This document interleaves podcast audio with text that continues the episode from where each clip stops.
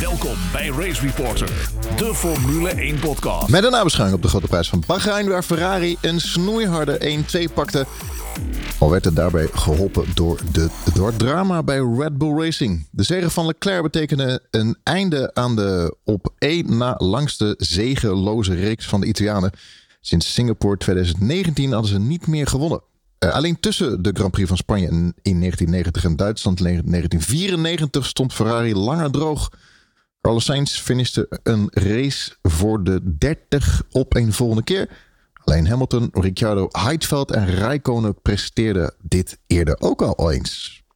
Door het podium van Lewis Hamilton is de Brit nu de allereerste coureur ooit die punten heeft gescoord in 250 verschillende Grand Prix omdat we te knap zijn voor alleen podcasten, vanavond ook een try-out YouTube live, als het werkt. Uh, wil je lid worden van Race Reporter? Dan hou je Race Reporter in de lucht. Ga naar f1podcast.nl, word lid. En bekijk ook onze webshop op f1podcast.nl. Het is lente, het is lente. Ik voel het aan mijn instrumenten. Seizoen 6 van Race Reporter, de Formule 1 podcast, aflevering 119. Of S6, seizoen 6, aflevering 2. Ik ben Lucas Degen en ik zit hier met Charles Jalving, marketingmanager, oprichter Trackside Legends, passie voor autosport en fotografie. Een stukje vader en uh, groot voorspelkoning van uh, ons voorspel, uh, voorspelspel. Voorspelspelspel? Voorspel, voorspelkoning. Ja, 2020 en 2021. Leuk dat je er weer bent, Charles. Ja, ik vind het wel heel eng dat je hier aan je instrument zit te voelen hoor, aan tafel. dat terzijde, dankjewel. Ja, maar dat hoort allemaal bij die voorspelkoning. Voor, voorspel. Jank. Ja, we kijken wie de naspelkoning is dit jaar. Jeroen Nemmendaal, schrijver NRC, had weer een mooi stukje geschreven afgelopen week. Volgens magazine IndyCar podcast Green, Green, Green. Dus je bent er maar weer druk mee. Hoe, uh, hoe was jouw weekend? Druk, druk, druk. Nou, druk. Vooral gisteren uh, op zondag. Aangezien uh, die Grand Prix, die, die liep ook uit vanwege die safety car. Dat hielp niet. Nee. Um, en uh, want de Grand Prix begon om vier uur en de IndyCar begon om kwart voor zes. Dus ik uh, ben echt uh, in één streep doorgegaan. Vier uur achter elkaar autosport kijken. Ik had geen tijd om te eten. maar ja, hè, je moet wat opofferen. Wat een slecht weekend. Ja. Ja. En Joris Scholten, Formule 1 en MotoGP-fan, Twitter tegenwoordig ook Kneusje en Noep. Je kreeg een flinke draai in mijn oor op Twitter, had ik begrepen. Ik heb het niet eens gelezen. Oh, je had iets geroepen over Viaplay, geloof ik. Ja, dat mag niet. En dat uh, krijg je allemaal uh, ja. mensen achter je aan en zo. Allemaal mensen achter je nou aan. ja, mensen en potjes. Je zou een ontzettende noob zijn overigens om jou een noob te gaan doen. Nou, ja, nou, dat ja, mag. Ja, Als je dat vindt, moet je Weet je waar noob voor staat of niet? Nobody. Ik dacht newbie, toch? Of is het nobody of Ja. newbie? Is toch een newbie? Iemand die newbie. nieuw is? Ik, ik heb Ja. al begrepen newbie. Ja. Ja. Oh, nou ja, kijk eens aan. Ik weet niet eens wat het... Ja, het is met games dan. zeg je dat toch altijd. Iemand is noob is die gewoon helemaal niks weet en nieuw is. En gewoon... Ja, eh, exact. Ja, daar ken Nou, ik ik het weet van. ook verder niks. Daarom zit ik hier ook. jouw intro Mooi. moet wel beter kunnen, vind ik hoor. Ja, we moeten aan jouw intro werken. Ik weet alleen nog niet hoe. Wat dan? Zit je niet in de bitcoins of... Nee, ik zit helemaal niks. Ik, doe- ik zit hier gewoon te, te, te, te podcasten iedere keer. En dat vind ik wel genoeg eigenlijk. ja, ik bedoel, Charles noem je iedere keer dat hij vader bent. Dat ben ik ook. Maar ja, Ja, om dat er naar buiten gaan zeggen. Ja, dat is wel waar. Je hebt ook, je hebt ook een stukje vader. Ja, ik ben ook een stukje vader. Je Ja, maakt ook wel eens foto's ja natuurlijk. ik wil, eh, foto's, ja. ja. Nou, Ja, Je hebt alleen een Instagram. Nee, ik heb geen Instagram, nee. nou, ik heb dat vader er al uitgesloopt hoor. Dankjewel. In deze aflevering natuurlijk de zegen van Leclerc en Ferrari. Het drama rond de Red Bull Racing. Het zoveelste geluk van Mercedes. De glorieuze terugkeer van K-Mac. Wat fantastisch. Echt leuk. Eh, dat wordt een eh, leuke aflevering voor Netflix volgend jaar. Eh, dubbele punten voor Alfa Romeo. Natuurlijk een vooruitblik op de volgende Grand Prix. En de luisteraarsvragen die binnen zijn gekomen via Twitter. Dank daarvoor weer. De eerste race van 2022. We hadden maar een korte winterpauze. Jeroen Scholten, wat vond je ervan afgelopen weekend? Nou, ik heb volop zitten genieten. Ik Gaaf, vond het wel een, ja, ik vond dit gewoon echt een dikke acht. Ik vond het echt gewoon een heerlijke race. Ik heb ehm, door de hele wedstrijd heen wel duels gezien. Ik heb eh, zelfs ook eh, drie of, of, of vier ronden lang echt een, eh, een redelijk intensief duel om de leiding gehad. Heb je ook niet zo heel vaak. We hebben drama's gezien natuurlijk. Helaas dan bij het team waar we dat niet hopen als Nederlander zijnde. Maar ja, goed, hè, gebeurt. Safety car, nog een, interessante slotfase. Ja, ik vond dit een race waar eigenlijk alles wel op aan zat. Ja, ik kan hier niet over klagen. En ja, kijk, wat je natuurlijk meteen wil bekijken, die nieuwe regels. En kunnen die auto's beter volgen? En eh, natuurlijk is Bahrein misschien niet de beste trek om dat te proberen. Omdat je er altijd wel eh, kan inhalen. Maar eh, ik moet eerlijk zeggen dat... je zag wel ook bij de, bij de korte combinaties, de kortere bochten achter elkaar, dat ze toch wel redelijk dicht op elkaar kunnen blijven. Dus ik had wel het idee echt dat ze wat dichter kunnen volgen. En dat is. Het mooiste voorbeeld was volgens mij wel Ricciardo op Latifi bocht 8. Dat, dat is een bocht waar je normaal niet zomaar ja. ertussen zet met het huidige reglement. Omdat ja, die snelle Zeker. doordraaien is, daar plak je hem er niet zomaar achter. Ja, ik denk dat het wel positief was. maar goed, je ziet wel het inhalen op de rechte stukken. Er zijn nog steeds gewoon echte DRS-overtakes grotendeels. Ja, ja die zorgen echt wel voor het verschil. Nou, ik, ik, ik, ik, ik snap wel dat ze er nog eventjes inhouden. Even kijken hoe dit allemaal loopt. En uh, wat Charles ook al zegt, het, het, is gewoon de makkelijkste en de meest zeven manier om, om ook te overtekenen natuurlijk. Dus. Jeroen, nou, wat vond jij ervan? De nieuwe auto's, de eerste race? Ja, nee, ik vond het een uh, prima wedstrijd. Um, het, was, uh, het was veel meer een F2 en een F3-wedstrijd wat dat betreft. Ook wat, wat Charles al zegt, uh, kunnen inhalen bij, bij bocht 8. dat hebben we in de Formule 2 en de Formule 3 regelmatig gezien in het verleden. En ook dit weekend weer. Um, en ik roep al jaren dat Formule 2 en Formule 3 het best bewaarde geheim van het Formule 1 weekend zijn. Want daar wordt namelijk gewoon echt vermaak en spektakel geleverd. Uh, en dat was gisteren in de Formule 1 ook zo. Uh, dus ja, ik, uh, ik denk inderdaad wel degelijk dat, dat, dat het nieuwe technisch reglement goed werkt. Veel minder last van die aero wash. ik geloof op een gegeven moment ook Bottas in die Alfa, die, zat, die was aan het stoeien met voor mij Albon. Die zaten ook heel dicht op elkaar. Uh, dus ja, ik, net wat Jeroen en Charles zegt, het, het beviel mij prima. Voor mij had K-Mac dat ook gezegd, dat hij dat echt meteen merkte. Dat het volgen en zo echt heel anders is als voorheen. Oké, okay, heb ook wel een veel betere auto dan dat, dat hij natuurlijk in de laatste periode... Dat kon hij normaal nooit vol. Ja, hij kon alleen maar volgen, maar was dat gewoon. Ja, ja eens. Maar ook voor mij dat purpose... Maar je merkt wel dat ze nog steeds je merkt wel dat ze nog steeds aan het, aan het zoeken zijn, zeg maar, met hoe je met die auto's eh, op het randje rijdt. Hè. Wat Verstappen, die referemde zich een aantal keer. Uh, Hamilton, op een gegeven moment, geloof Hulkenberg, die geloof ik echt finaal zijn, uh, zijn, zijn rempunt miste. Magnussen natuurlijk ook in, ja. in die beginfase. Ook die banden van die, die, die ja. ja. maar die verloor daardoor eigenlijk Russell. En ik had... Um, en, en je zag gewoon echt wel dat ze gewoon een aantal keer gewoon te ver gingen bij het en te agressief waren bij het aanremmen voor vooral turn one. Ja. En dat ze daardoor gewoon een paar uh, plekken kwijtraken. Maar ja, weet je, geeft dat nog een paar races, dan zijn ze dat ook wel. Uh, ja. uh, dan hebben ze dat ook wel onder de knie. Uh, maar het, het, het, racen en, en um, het, wat Verstappen op, op een gegeven moment bij Leclerc deed na die eerste serie pitstops. Dat kon je met, oude, met die oude auto's echt never nooit niet doen. Never nooit niet. Ja, en wat wel leuk Constant is. Constant maar weer zo agressief aanvallen. Met die bandenwarmers natuurlijk. Dat, waar ze ook langzaam vanaf willen. Dat zag je vooral met Hamilton, die volgens mij naar de harde band ging. Dat hij echt al glibberend en glijend de baan opkwam. En dat vond ik ja. met IndyCar ook altijd wel mooi. En uh, DTM hmm. onder andere, dat je dat ook wel. Dat is, geeft ook wel een heel gaaf ik element. Ik had het idee ook dat Hamilton er echt door verrast werd. Ja. Maar ze mogen nog maar 70 graden in plaats van 100 graden ja. warmen.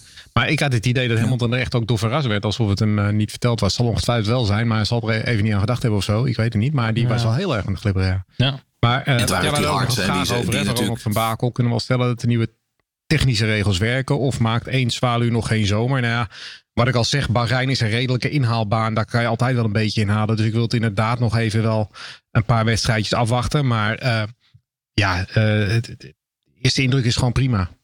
Ja, Alleen, ik vind nog steeds dat die auto's kleiner moeten. Ja, dat lang korter.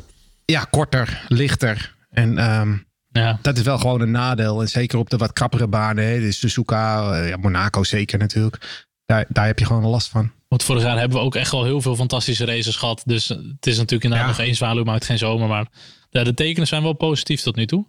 Ik hoop dat ze dat purposing ook wel een beetje onder controle houden. Ik heb in de race daar niet heel veel van echt doorgehad dat het storend was of zo. Ja, dat, dat is uh, ook, uh, kijk, zoals bij Mercedes, die, die hebben de auto gewoon iets omhoog gezet. Ja.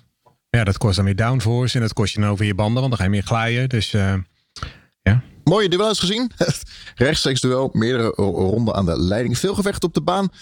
Um, we hebben ook nog een vraag gekregen van Sven Brandsma.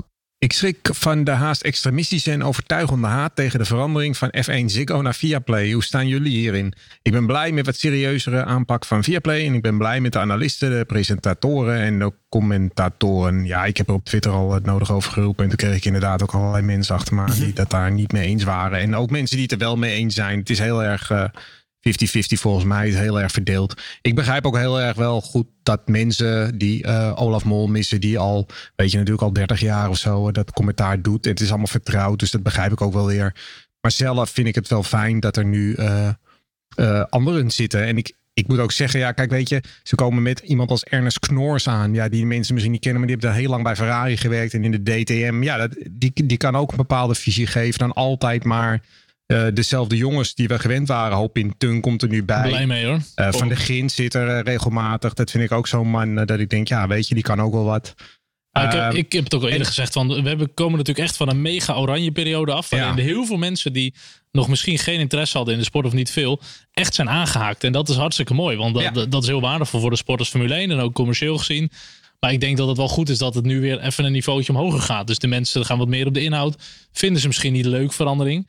Ik moet zeggen, persoonlijk vind ik het ook wel jammer dat Olaf Mol niet te horen is. Maar ik denk wel dat Siggo in dat opzicht en ook misschien de houding van hun ja, niet helemaal perfect meer was. Uh, ook niet meer helemaal anno 2022 uh, met alles wat een beetje woke is en zo. Maar ik snap ook wel dat mensen met Viaplay nog niet heel blij zijn. Het is misschien nog wel net even te, te serieus, zeg maar. En te analytisch. En er mag best nog wel een beetje wat meer, uh, een beetje losser.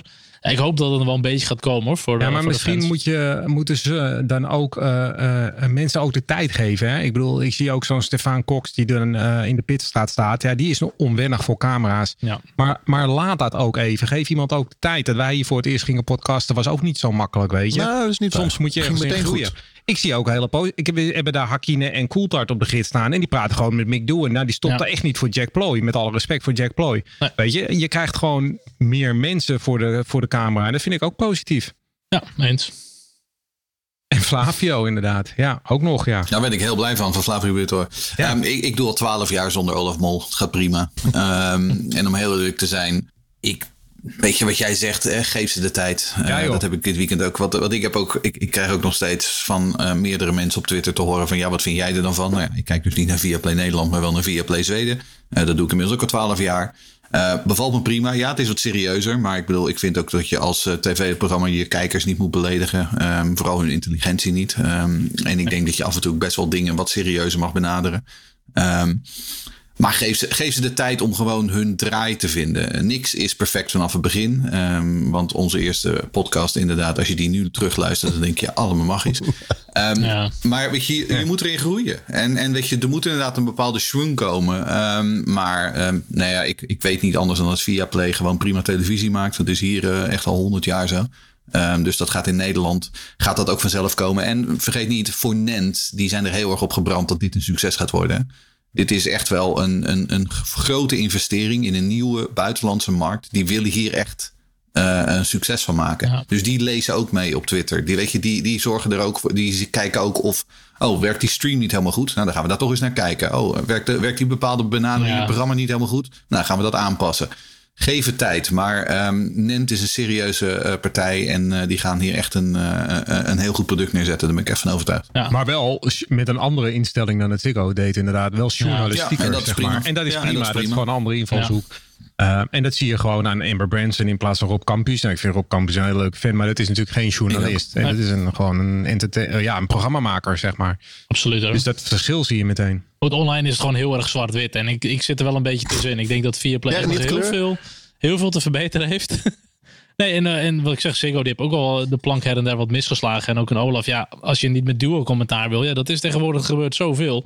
Het moet kwalitatief gewoon beter. En dat is niet meer zo simpel. En ik vind het goed hoor. Dat, eh, ik ben ook ooit begonnen in het Jos Verstappen tijdperk. Helemaal gek. Eh, Nederlander, weet je hoe vet. Maar uiteindelijk ga je toch breder van die sport houden en leren. En dat, ik denk dat het heel gezond is om die stap nu te gaan maken. Misschien had Olaf gewoon nieuw talent naast zich moeten dulden hadden we een mooie overgangsfase uh, gehad. Ja. Dat je BBC hebt gehad jarenlang.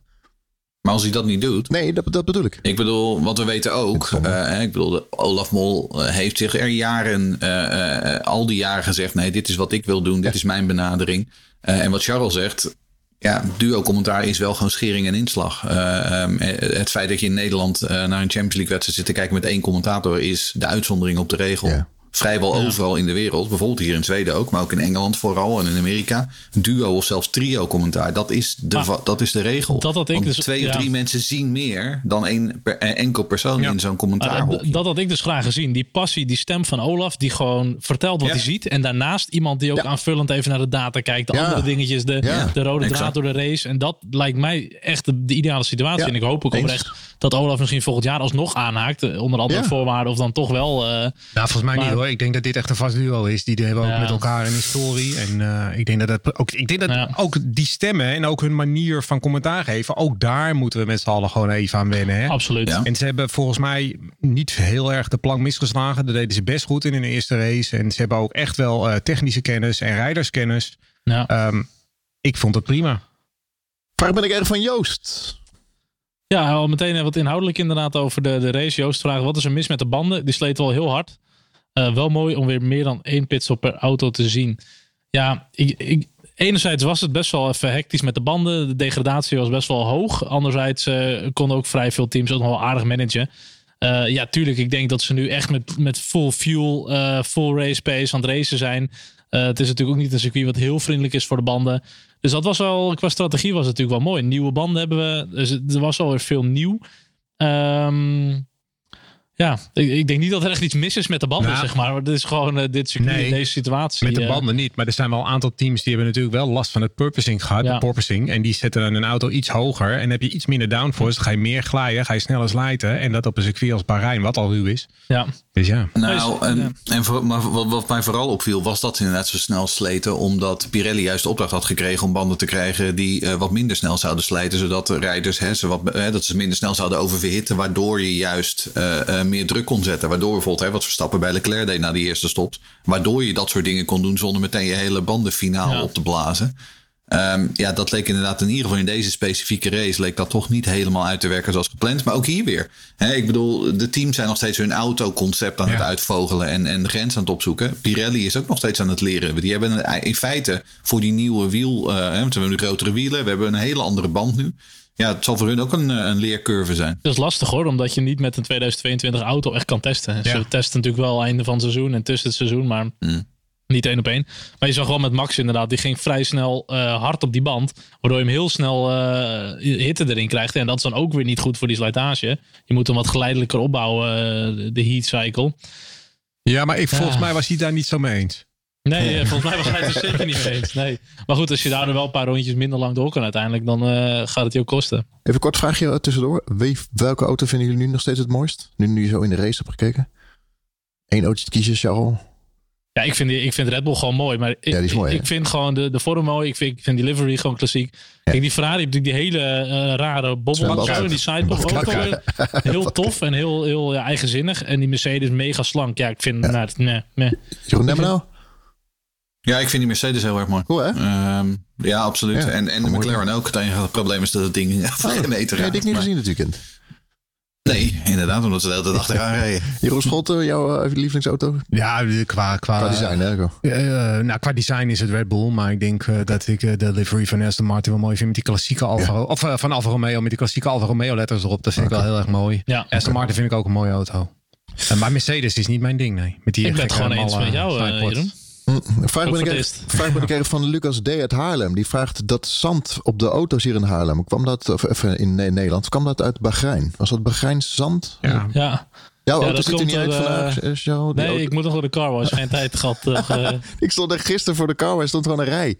Ja. Iedereen ging weer eens achteruit. Ik uh, dacht ook even pitstop, weet je, naar binnen. Hele Had jij ook last van Jeroen? Dat leek wel de, Jeroen de Benauw, zand? Sahara Zand nee? was het. Oh, Sahara Zand. Nee, maar die Cars lijkt wel de Formule 2 eh, pitlane dit weekend. Joh. Hele opstopping daar zo. Ik denk, krijgen we alweer door. Oké. Okay. Vraag ben ik even aan Rob de Voogd. Die heeft een uh, illegaal t-shirt van de Race Report als enige. een t-shirt dat hij aan op Zandvoort afgelopen ja. jaar. Heel Super lachen. Ja, die vraag, Rob, Rob vraagt waarom openen we in Bahrein wat een waardeloze track? Uh, nou ba ja, uh, Bas staat er ook achter. Bas staat er ook nog bij. Ja, Bahrein. Um, Bach. Uh, Eerste Ja, waarom? Ik, ik heb geen idee om eerlijk te zijn. Kijk, ik ben ook wel inderdaad wel van de aloude openen in, uh, in, in Melbourne. Um, gelukkig gaan we daar voor de volgende race al naartoe. Dus dat komt er zo aan. Um, maar ja, ik vind Bahrein wel meevallen om eerlijk te zijn. Uh, ik vind het, het, het, is zeker niet de vervelendste van de Midden-Oostenbanen. Maar het is allemaal geld. Nee, maar waarom is het start? Ongetwijfeld, ja. Oh, gaan dat ja, geen idee. Omdat ze daar waarschijnlijk voor betaald hebben. Dan is het Abu Dhabi, oh, Abu Dhabi, Abu Dhabi betaalt voor de finale. Uh, als in het jaar en dag. Maar dus dat zal bij Bahrein ook wel zo zijn. Ik vind het van alle nieuwe circuits, vind ik Bahrein nou niet bepaald de slechtste. Nee. Nee. Nee. Best een aardig verder qua layout toch vind ik, zo. Absoluut. Australië vind ik nog steeds gewoon Ja. de seizoensopen. Ja, Gewoon- verschrikkelijk. Ja, daar hoort het. Nee, eens. Maar gewoon het feit Ik dat je om vijf uur je bed uit moet of zo. En dan zit je daar met je broodje pindakaas en... eh, was het niet altijd? een We glaas hadden- thee. Juist. Wel, toch, Adelaide was toch ook wel eens aan het einde? Ja. Interlagos hebben we ook gehad als opening. Wat was, Adelaide. wat was vroeger de eerste race? Oh, het zijn zoveel races. Volgens mij Stanford zelfs een keertje als één keer. Maar ik- echt wou net zeggen, ik heb het niet over jouw tijdperk, Jeroen Scholt, maar even voor ons. Silverstone was de allereerste race. Nee, maar de in de 90s. Wat was normaal gesproken de start? Brazilië. Brazilië. Ja, Interlagos. eh, het begon... Ja. en daarvoor Kia Lamy. En daarvoor was het Phoenix. En Interlagos is voor Eh, mij ja, dus zo. echt de afsluiter, zeg maar. het, is bijna, Ja. Mijn generatie. het is bijna nooit Europa. Nee. Want, want dat is het weer nog Nee. niet in, in februari, maart en Nee. zo, om daar eh, te gaan racen. Heel Lamy dus- inderdaad, mooie baan. Het weekend van Max Verstappen en Red Bull Racing zag er goed uit. Lekker knokken met Leclerc. Goede, nou ja, geen slechte start, geen goede, geen, geen goede start, gewoon een maand gewoon Average. o- oké start.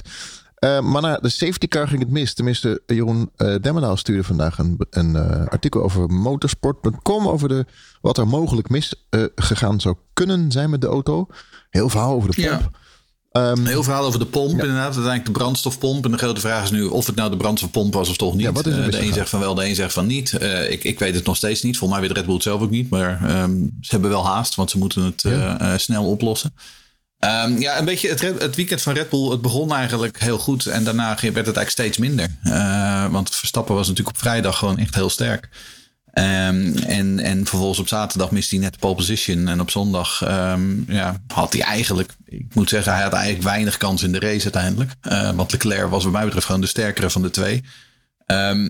Ja, en vervolgens eh, ging, het hele, ging het hele verhaal helemaal niet door. Doordat zowel bij, bij Verstappen als bij Perez natuurlijk die, die motor ermee ophield. Ehm, ja, Kijk, eh, de vraag is nu, zijn, kijk, ze zijn snel, maar zijn ze ook betrouwbaar? Ja, nou ja dat weet ik, dat, dat weet ik niet. Ehm, ik, ik, ik ga niet meteen wanhopen. Ehm, en omdat er nu één race is dat je dan een keer uitvalt, dat kan gebeuren. Ehm, en het is, een- het is een lang seizoen, maar ehm, ja, het is wel een, eh, een gemiste kans in ieder geval. Maar het is natuurlijk ook eh, qua snelheid. Want je zegt uh, Leclerc was eigenlijk wel de betere. En dat denk ik ook hoor. Maar Max heeft natuurlijk wel een extreem lastige wedstrijd moeten rijden. Hè? Want ja. volgens mij was het dan de vijf, zes rondjes dat ze remmen oververhit raakten. En heeft hij daar Ja. echt uh, best wel lang uh, mee gedaan. Het was echt managen de hele Voordat race. hij gewoon pushen alles. kreeg. En voordat hij pas weer mocht gaan pushen. En dan op een gegeven moment krijg je dat natuurlijk dat ge- gedoe met die stuurinrichting. Ja. Uh, dus hij heeft eigenlijk een hele lastige wedstrijd gereden. En dan toch is hij, is hij nooit verder dan vier seconden achter. Uh, hij is altijd in contention gebleven, zeg maar.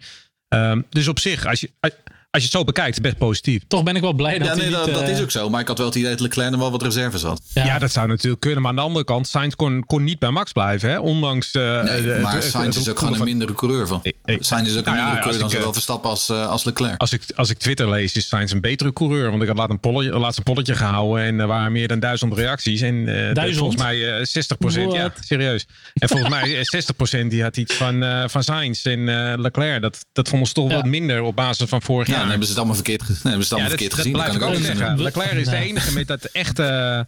ja, als het erop aankomt, is Leclerc de man. Ja, absoluut. Leclerc is echt de betere van de, van, Ja, van de twee. hoor. Alleen Sainz is stabiel, dat wel. Heel Oh, erg stabiel ja. en prima hoor. Ja. Maar Maar we weten Ja. toch als Twitter het zegt, dan is het toch waar. ja, dat is ook zo. Dus dat vind ik fout. Maar Ja. ik moet zeggen, ik ben achteraf wel blij dat Max niet eh, die overtake voor de leiding dat dat was geslaagd. Want als hij dan uitviel, dan had ik echt nog veel zuurder geweest. Gewoon. Ja. Dat hij 2-1 pakt en dan... eh, goed, hij moest wel de hele race managen en toch een beetje ja, volgen en aanvallen. En ja, als hij er wel voorbij had gekomen, dan was het misschien wel iets andere race geweest. Maar Ik vol- volg op Twitter, vroeg, volg ik een Jeroen Scholte 50. En die had gezegd... Leuke het, vent. eh, ja, ja. Knap ook. Ja, wel een kneusje. Maar hij had, eh, had gezegd, het is, dat vond ik een hele goeie. Je kan beter een snelle auto hebben dan... eh, Oh, betrouwbaar ja. maken, dan... Ja. Een reactie op de tweet van meneer Jalving. Ja. Meneer Jalving die vroeg, wat heb je liever? ja, dat ja. En toen zei ik, vanuit het aloude verhaal is dat je een, een onbetrouwbare auto die snel is, is makkelijker betrouwbaar te maken dan een betrouwbare auto die langzaam is. Het is moeilijker om Ja. tijd te winnen Ja. dan om een betrouwbaarder te krijgen. Dat is Ja. wat ik altijd Ja. geleerd heb. Goed punt. Kijk, Ik zat kijk dus op de kijk maar wc naar en toen dacht ik van... Haas was heel betrouwbaar. Waar zou je nou liever, in welke situatie zou je nu liever zitten? Die van Mercedes, dat je nu wel meteen punten pakt, maar eigenlijk krijg je je concept nog helemaal niet aan het werk, of de, de, met de motor niet en zo. Of heb je nu liever Red Bull dat die potentie er echt wel zit? Alleen ja, je hebt nu net even pech, weet je wel. Dat, je kan beter in de situatie van Red Bull zitten, denk ik. Het, het, lijkt mij wel duidelijk dat Red Bull samen met Ferrari absoluut uh, in het begin van dit seizoen de dienst uit gaat maken. Want het is wel duidelijk ook. en we dachten allemaal van, oh, hebben ze bij Mercedes de zandzakken er niet op liggen. Nou, ik heb drie dagen tijdens die testdagen naar die Mercedes zitten kijken. Nee hoor. Red Bull heeft wat dat betreft de zitsnelheid in. Um, en misschien, als uiteindelijk blijkt dat dit een, een of ander stand nou, ik moet zeggen, Perez vond ik uiteindelijk. Ja, nee, ik bedoel, Perez kwalificeerde zich gewoon keurig als vierde. Nou, dat, zou eigenlijk derde moeten zijn, maar vooruit vierde. Hij stond in ieder geval bij de beste vier. Volgens de race bleef hij best aardig bij, hield eh, Hamilton af. Um, nee, ik vond dat Perez eh, prima reed wat dat betreft. Uh, zoals een hè, nummer twee, zoals een adjudant dat, dat hoort te doen. Ja, alleen als, en als dan nu blijkt dat zeg maar daadwerkelijk een standaard onderdeel is en dus niet iets bij uh, het echte powertrain van Honda wat fout is gegaan, ja, nou ja, dat kan gebeuren. Ah, Misschien een slechte badge. Ja. Kastli wel, denk ik, hè, met die fik. Ja, maar die had gewoon, uh, de hele power was gewoon in één keer weg. Dus, um, maar goed, weet je, was, dat, was dat niet een batterijen ding ook? Ik denk het, maar weet je, ik denk niet dat dit meteen een zorg is voor echt uh, voor, voor Red Bull Powertrain of Honda. Um, ik denk niet dat er echt een core probleem is wat ze echt gaat opbreken dit seizoen of zo. Kijk, als die hele motor was geploft of vastgenaaid of zo, dan had je een groter probleem gehad. Nou, en, en Lucas zegt het net over de 90s. Ik bedoel, ik kom nog uit de tijd uh, dat de Mugen Honda's per weekend, dat er een stuk of vijf, zes in uh, rook opgingen. Dus wat dat betreft, ik bedoel, het valt mij allemaal nog wel mee. Ja. Um, maar Laten, we, laten we kijken hoe het de komende races gaat. Um, maar ik, ik denk wel dat er absoluut basissnelheid in zit. Um, en ze, zover zijn, liggen ze ook weer niet achter Ferrari. En wat we uh, al eerder gezegd hebben, uh, ontwikkeling gaat dit seizoen heel belangrijk worden. We weten dat Red Bull daar traditioneel goed in is. Um, dus, en ik denk tactisch uiteindelijk is Red Bull ook gewoon de betere, het betere team dan Ferrari. Bij Ferrari hebben ze uiteindelijk natuurlijk toch, toch gewoon een, eh, een Baviaan zitten. dus eh, 20, 21 wedstrijden. Ik moet heel eerlijk zeggen dat ik dus ook uh, het gisteren weer niet goed vond bij Ferrari. Want toen Max voor zijn tweede stop naar mm. binnen ging, vlak voor die safety car. Dan vind ik, als je, zeker als je de snelle auto hebt en je zit voor, moet je meteen meeklappen uit 4, 5 seconden. Dan kan je hem coveren. Nu heeft hij geluk omdat er een ronde later een safety car komt. Maar voor hetzelfde geld krijg je wat er in Abu Dhabi met Hamilton gebeurde. Komt hij in de slotfase en dan zit Max ineens achter je op snellere banden. Ik, ik begreep echt niet waarom Leclerc niet meteen meeklapt. Ja, en als je eenmaal nee, Wat ik trouwens niet snapte daar, als we het toch hebben het over tactiek. Ik snapte niet waarom ze Perez vervolgens meteen naar binnen haalden. Want die zat precies vlak voor Leclerc. Die had daar nog even een handje mee kunnen helpen. Dat was ook van Red Bull niet altijd En de stops van Red Bull waren niet heel lekker. Op de, nee. Ze waren ook de langzaamste van alle teams. En dat zijn we niet gewend. Ik had zo'n gevoel dat ze Perez niet buiten wilden laten. Omdat hij dan misschien weer in de weg van Max zou zitten. Dat ze dachten, doen we er meteen achteraan. Dat was net geen double stack. Maar gewoon halen maar gewoon weg.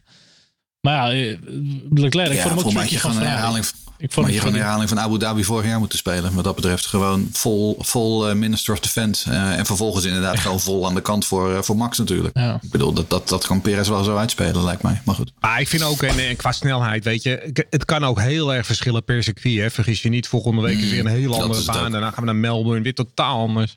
Dus het is nog niet gelopen. Race Reporter. Formule 1 podcast. Vraagbedrijf van Marco Post. Ja, jou. Voor het eerst een vraag aan mij. Ja, is complotje Lucas al diep in Italiaanse fuelpumps gedoken? Nou ja, inderdaad. Uh, Jeroen Nemmendag stuurde dus een artikel van motorsport.com vandaag. En ik ben nog wel lui in lezen. En daar hebben ze tegenwoordig een luisteroptie. Dus ik heb het eventjes te luisteren. Ik vind al dat je bijzonder slecht luistert, maar goed. Wat zeg je? Duurde acht minuten het verhaaltje. Zo slecht. En, ik knip, ik knip uit lijn. nee, maar serieus. Ik, wat ik dus begrepen heb is iets over uh, de fuelpomp. En die wordt geleverd door de FIA. En ze hebben er van tevoren nog, hebben ze nog een test gedaan. En la la la, moeilijk, moeilijk. Um, het, de reden dat ze het nog niet hebben gevonden is uh, ja, zorgwekkend of niet. Maar nee, ik heb hier, zie hier geen complot. Uh, en ik vind het eigenlijk ook helemaal niet heel erg als ik eerlijk moet zijn dat Red Bull is uitgevallen. Dat is alleen maar goed voor het seizoen, want die komen toch wel terug. Ik denk dat ze heel sterk zijn, Red Bull, dit jaar. Ja. En uh, dat is alleen maar mooi voor de strijd. Bij die start ook. We zagen gewoon drie teams weer in één kamershot vechten om. Ja. Dat, daar gaat het toch om. ik, ik denk, ja, op zaterdag, wat was het? Zeven, zeven teams in, de, in Q3. Ja. Op zaterdag. Toen dacht ik, nou. Ja, het hele veld binnen 2,1 seconden volgens mij. Echt het hele veld binnen 2,1 inderdaad. In Q1. En ja, dat is mooi. Die ja, was top. Fantastisch. Ja, maar nu loop je op de zaken vooruit. Uh, dat is waar, dat is waar. Die steeds verschrikkelijker worden om de Britten. Die noemden dat is gewoon karma. Hè, dat Verstappen uitviel. Ja, ja, nee, ja. daar is, luister ik niet naar. Wat me wel opviel is uh, mopperende Max. Dat hij uh, eerder door had dat, zijn, uh, dat de accu het niet deed. Dat het motor haperde. En dat het team zo, nou, everything is oké. Okay. Dus qua telemetrie hebben ze dus dan niks kunnen zien aan de pitwall. Maar Max voelde het wel. Of wat? Ah, dan dat, ging over zijn, over zijn stuur, dat ging er over zijn stuurinrichting. Nee, hij zei, accu, what is, what's wrong with the battery? What's wrong with the... Het, oh, ja, het is ja, ja, engineer, nothing is wrong. Everything is okay. no, nothing... Maar toch is het grappig, want als Max klaagt dat er iets niet goed gaat, dan uh, vinden we het allemaal fantastisch. En als Lewis het doet, dan zeggen we heel snel, nou ja, het loopt hem met de zeuren, die gas gewoon. Dat is, ja, kansloos. ja, maar het is niet zo dat Max de volgende ronde de snelste ronde reed. Dat is bij Lewis bijna nee, altijd. Eens, die zit over zijn banden en die gaat ja, de volgende. Kijk, en Max had ook wel echt technische problemen, dus dan is het ook wel uh, oké. Maar het is, het is wel zo'n beetje, ja, is alleen met de haat op elkaar, man. Doe even chill. Het probleem zat wel in het hoekje, had ik begrepen, dus van de safety car. Na de safety car ging het uh, mis. Ja, dat was weer de Mercedes. We gaan gewoon allemaal... gaan we meekrijgen. Simon Cavallini. Cavallini heeft een vraag. ja, hij vraagt: wat denken jullie van het al dan niet pushen in de outlap van Max? Coureur voelt het beste aan en dan heb je track position of het team heeft beter beeld en kan hem behoeden voor het scenario dat Hamilton had op hard. En track position is met deze regels sowieso minder belangrijk. Ja, nee, we hadden het net eigenlijk gewoon een klein beetje over van wat, wat moet je doen op die band nu? Is dat gewoon meteen knallen en vol de aanval ingaan en uh, kijken of je die undercut kan doen naar een uh, Leclerc toe? Ja, ik denk dat dat wel uh, de goede strategie was. Um, ja, wat, wat kan je erover zeggen? Tuurlijk. Nou, wat hij zegt. Dat, dat, dat Lekker antwoord hoor. Dat laatste stukje van uh, met deze regels is trackpositie mm -hmm. minder belangrijk geworden. Dat is wel ja, een belangrijk absoluut, ding dat dit is jaar. Op, op circuits waar je kan nou, Monaco maakt niet veel verschil. Maar nee. op normale circuits is dat wel een ding wat je tactisch natuurlijk wel uh, um, meeneemt. Want als Max dat pushje niet had gedaan, dan had hij ook niet in die mogelijkheid gekomen om weer te kunnen inhalen. Dus ik denk wel dat het goed was. Kijk, Max die zei gewoon uh, toen uh, na die uh, move op Hamilton in bocht 5 en Abu Dhabi, toen iedereen zei, of veel mensen zeiden in ieder geval, waarom doe je het zo voor? Waarom doe je niet het einde van de rechte stuk? Ja. Toen zei hij van ja, maar ik wilde gewoon altijd voorzitten, want dan ben ik in control. En, ja. en, dat was eigenlijk met dit ook. Hij wilde gewoon voorzitten en dan ziet hij daarna wel weer hoe hij het op gaat lossen. Ja. Dat is een beetje volgens mij zijn insteek altijd. Ja. Dan ben ik in controle. En als je volgt, ben je nooit in controle. Nee, dat zie je. De, de naartoe is één ding. Voorbij, dat is iets totaal anders. Maar dat lukte nu gewoon niet, uh, niet blijvend, tenminste. Oké. Okay. Bol. bol, mijn eerste bol dit jaar, jongens. Uh, Robin Geurtsen heeft nog een vraag. Hoe lastig is het om terug te komen van een 26 punten verschil gezien de schijnbaar hoge betrouwbaarheid van de Ferrari? Nou ja, uh, dan quote ik Toto Wolf even van vorig jaar. Dat is uh, slechts één uitvalbeurtje wat je achter staat. Dus dat valt allemaal wel mee. Weet je, we hebben nog 22 races te gaan. Als die auto gewoon goed is, doet Max volop mee om het WK. Alleen uh, er staat wel iets meer druk op de eerstvolgende twee races of zo. En je zal wel echt even vol in de punten moeten hangen nu natuurlijk. Want anders wordt er wel al snel een achterstand. maar ja, ik, ik, ik maak altijd zo'n draaiboekje van dit. En heb ik normaal gesproken altijd zo'n WK-standje uh, tussen, tussen staan. En dan gaan we even over het WK praten. Maar dat, dat doe ik ook pas na vier, vijf races. Dat heeft nu nog helemaal geen zin, joh. Laat het WK lekker... nou, is hetzelfde als de betrouwbaarheid van Ferrari. Daar kunnen we nu toch nog niks over zeggen. Nee, ja, ze zijn één nee, race nee, gefinished. Nou, prima. Ja. Ik heb even een strikvraag. Hoeveel keer is Max Verstappen vorig jaar uitgevallen? Zeker twee keer. Nee, drie keer. Heel goed. Vier keer. Nee, drie keer. Heel goed. Baku, nee, Engeland keer. en Italië. is hij gefinished uiteindelijk. Maar ja. uh, Baku, uh, Engeland, Italië, dat waren eigenlijk geen dit net finish. Hm. Maar de achterstand van Max op Lewis nu, die is gewoon groter dan dat hij in het hele seizoen 2021 is geweest. Nee, maar even terug over de, betrouwbaarheid, even, even, even over de betrouwbaarheid van de Red Bull. Dan is het dus nu al slechter dan vorig jaar. Dus dat is wel even tricky. Nee, Baku was geen DNF, nee, maar Silverstone wel. Baku was een band en Silverstone was een crash op Lewis. Oh, je bedoelt ja, maar hij bedoelt, hij bedoelt ja, geen, te geen oh, technisch mankement. Nee, maakt niet uit. Maar ik zat gewoon even te kijken. Race Reporter, de Formule 1 podcast. Dan gaan we kijken naar Ferrari. Heb het eigenlijk al uh, groot deel over gehad. Maar hele flauwe vraag. Maar dat, zo denken heel veel nieuwe, nieuwe fans van Formule 1. Dus ik blijf het maar zeggen. Gaat Ferrari weer wereldkampioen worden dit jaar? Nou, nee, dat, ik, dat zie ik dan weer nog niet gebeuren. Ja, maar mensen denken dat nou, dat wel gaat gebeuren. Ja, maar dit, dit zei ik al een paar weken geleden. Dat dan weer wel. Echt? Ja. Heb jij dat uh, die voorspelling gedaan? Ja. ja je hebt niet geluisterd, begrijp ik. Nee, goed ook. Nee. Ze hebben heel vorig jaar opgeofferd voor dit jaar. Kom op. Nee, maar dat is het vooral. Weet je, ze, hebben, ze konden vorig jaar gewoon al meteen vol focus op dit jaar. Toen ze zagen van nou, Red Bull en Mercedes zijn gewoon weg. En die moesten echt tot het gaatje natuurlijk qua ontwikkeling uh, voor het kampioenschap. Dus ja, ze hebben dat op zich wel echt een hele mooie voorsprong uh, weten op te bouwen. Ja, gaan ze kampioen worden? Ik zie het niet gebeuren met Ferrari. Die gaan echt nog wel wat steekjes laten vallen. En ik denk dat de Red Bull echt wel heel sterk terug gaan komen. Wat wie weet. Wie is jouw grote favoriet dan? Max? Ja. Niet helemaal dan ook? Nee. Okay. Nee. Okay. Nee, maar goed, kijk, Ferrari heeft echt wel een heel tof concept. Maar ik denk, ik niet hoe jullie naar kijken. Ik denk dat Ferrari een concept heeft wat in potentie de mindere is. Maar die ze wel vrij snel nu aan de praat kunnen krijgen. En vrij stabiel. Ik denk dat Red Bull daar wel een beetje tussenin zit. Er zit echt veel potentie in, maar ze kunnen nog, ja, ze moeten nog wel even zoeken, zeg maar. En ik denk dat Mercedes, die is gewoon de meest lastige om werkende te krijgen. Maar ik denk als die hem eenmaal echt goed werkend hebben, qua setup en qua, qua, qua alles, dat, uh, dat daar gewoon in potentie dat hij sneller is. Ik denk het grote wapen van Ferrari is die motor, hè? Ja. Daarvoor hebben ze ook meer. Daarvoor hebben ze ook minder uh, tire degradation dan Red Bull. Die kunnen gewoon meer downforce op die auto zetten. Dus je gaat ook minder glijden. En toch uh, ben je door die krachtige motor gewoon snel. Het is niet voor niks dat ook Haas en ook Alfa Romeo het goede weekend hè. Ja. Die motor is gewoon echt heel goed. Maar hoe kan dat ineens?